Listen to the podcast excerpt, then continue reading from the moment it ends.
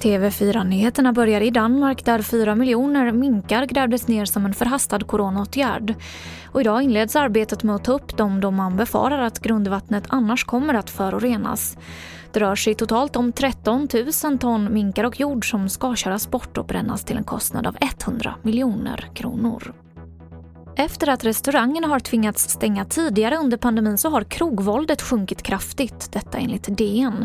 Statistik från Brottsförebyggande rådet visar att anmälningarna om misshandel av en vuxen person utomhus gick ner med nästan 25 procent under vintermånaderna januari, februari, mars det här året jämfört med ett normalt år.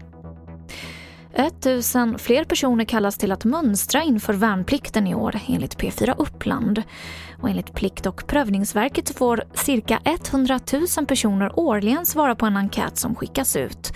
Av dem som väljs omkring 16 000 ut som kallas in.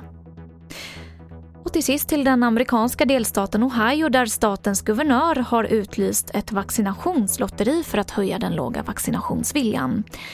Alla som vaccinerar sig med minst en spruta mot corona får en chans att vinna en miljon dollar, vilket motsvarar 8,4 miljoner svenska kronor. Och det var det senaste från TV4 Nyheterna. Jag heter Emily Olsson.